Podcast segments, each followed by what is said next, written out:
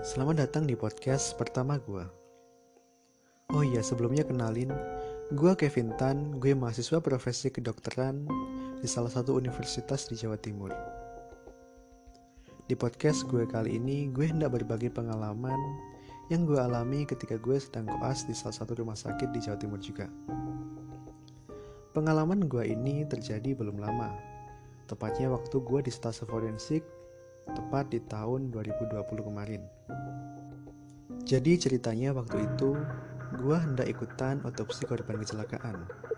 Berhubung kita-kita masih dokter muda atau koas, jadi kita harus datang ke ruangan beberapa jam sebelum jenazah datang atau dokter konsulen datang. Dan kebetulan malam ini otopsinya dilakukan pada malam hari. Saat itu gua sampai di ruangan sekitar pukul 11 malam. Setelah gue sampai di ruangan forensik, gue naruh tas di mana tempat biasanya kita para dokter muda beristirahat. Dan ternyata di ruangan itu sudah datang tiga teman gue yang lainnya. Jadi gue di sini sebenarnya nggak sendirian. Ada teman kelompok gue yang jumlahnya tiga orang dan berempat dengan gue. Setelah gue naruh tas, akhirnya gue ikutan nimbrung dengan mereka bertiga.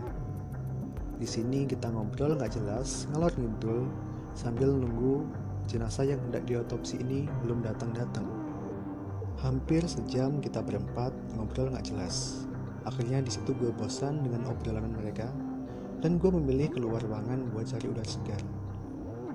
Di sini gue keluar menuju ke teras ruang forensik. Saat itu kondisi teras sangat sepi, hanya ada suara jangkrik dan angin sepoi-sepoi yang bertiup di antara, di antara pepohonan.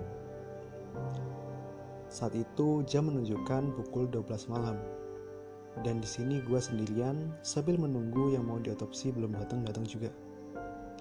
Kebetulan di tempat ini ada kursi panjang dan gue duduklah di situ sambil mainan HP.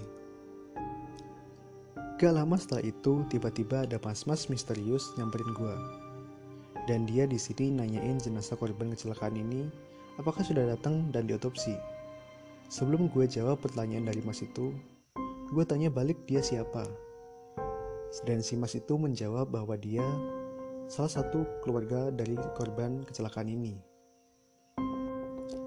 Akhirnya di sini gue mempersilahkan mas-mas misterius ini untuk duduk. Dan si mas-mas ini duduk di sebelah gue dan dia membuka percakapan dengan menceritakan bahwa si korban ini masih berusia muda.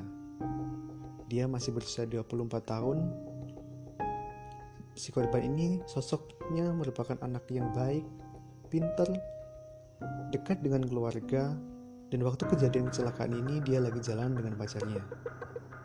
Tentu saja gue di situ sedih dengan cerita dari masnya ini. Gue deskripsiin tentang mas-mas yang ngobrol dengan gue ini. Dia tinggi, kulitnya kuning langsat bersih, badannya berisi, memakai kaos berwarna navy dan celana jeans hitam. Secara visual emang dia good looking. Lanjut ke cerita. Kurang lebih satu jam kita berdua ngobrol sampai akhirnya si mas ini pamitan mau nemuin keluarganya yang lain. Dia mau kasih tahu kalau si korban jenazah ini belum datang dan diotopsi. Setelah mas-mas itu pergi, Gue tetap di teras sampai akhirnya sadar bahwa jam sudah menunjukkan pukul 1 pagi. Di situ gue akhirnya memutuskan untuk masuk ke ruangan karena di luar sangat dingin.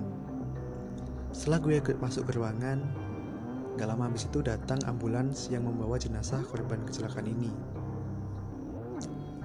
Setelah semua udah siap dan jenazah udah di ruang otopsi, maka semua yang bertugas untuk melakukan investigasi bergegas menuju ruang otopsi. Termasuk kami dokter muda juga ikutan masuk ke ruangan itu. Tapi setelah kantong jenazah dibuka, di situ gue shock dan kaget gak percaya dengan apa yang gue lihat. Karena jenazah yang mau diotopsi ini mirip banget sama orang yang tadi ngobrol sama gue di luar. Dari fisik sampai pakaiannya pun sama. Bahkan saat dicek identitasnya pun sama. Cuma bedanya yang ini kepalanya pecah dan berdarah-darah.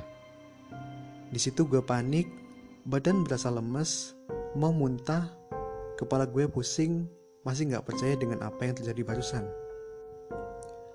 Di situ gue kelingan tapi beruntung gue nggak sampai pingsan. Sampai akhirnya ada senior gue yang tahu kalau gue lagi nggak baik-baik aja kondisinya. Dan si senior ini nyuruh satu teman gue cowok buat ngantar gue ke ruang istirahat. Saat gue di ruang istirahat, gue cerita ke teman gue ini. Kebetulan dia anak yang indigo. Gue kecerita ke dia kalau gue barusan disamperin mas-mas yang lagi di otopsi tersebut waktu di luar ruangan tadi. Dan si temen gue ini bilang, emang biasanya arwah itu bisa datang untuk menyampaikan sesuatu, atau mungkin makhluk lain yang menyerupai mas-mas ini, hanya untuk mengganggu iman kita. Dan teman gue bilang, masih beruntung yang mendatangi gue ini dalam wujud yang baik, yaitu wujudnya masih utuh, normal, setelah kejadian yang gue alami ini, temen kelompok gue sering mendapat teror dari makhluk-makhluk yang tak kasat mata, termasuk gue juga. Kami berempat percaya memang kita hidup berdampingan dengan yang tak kasat mata. Oke, jadi gak serem memang cerita gue, tapi ini pengalaman yang sangat seru banget buat gue.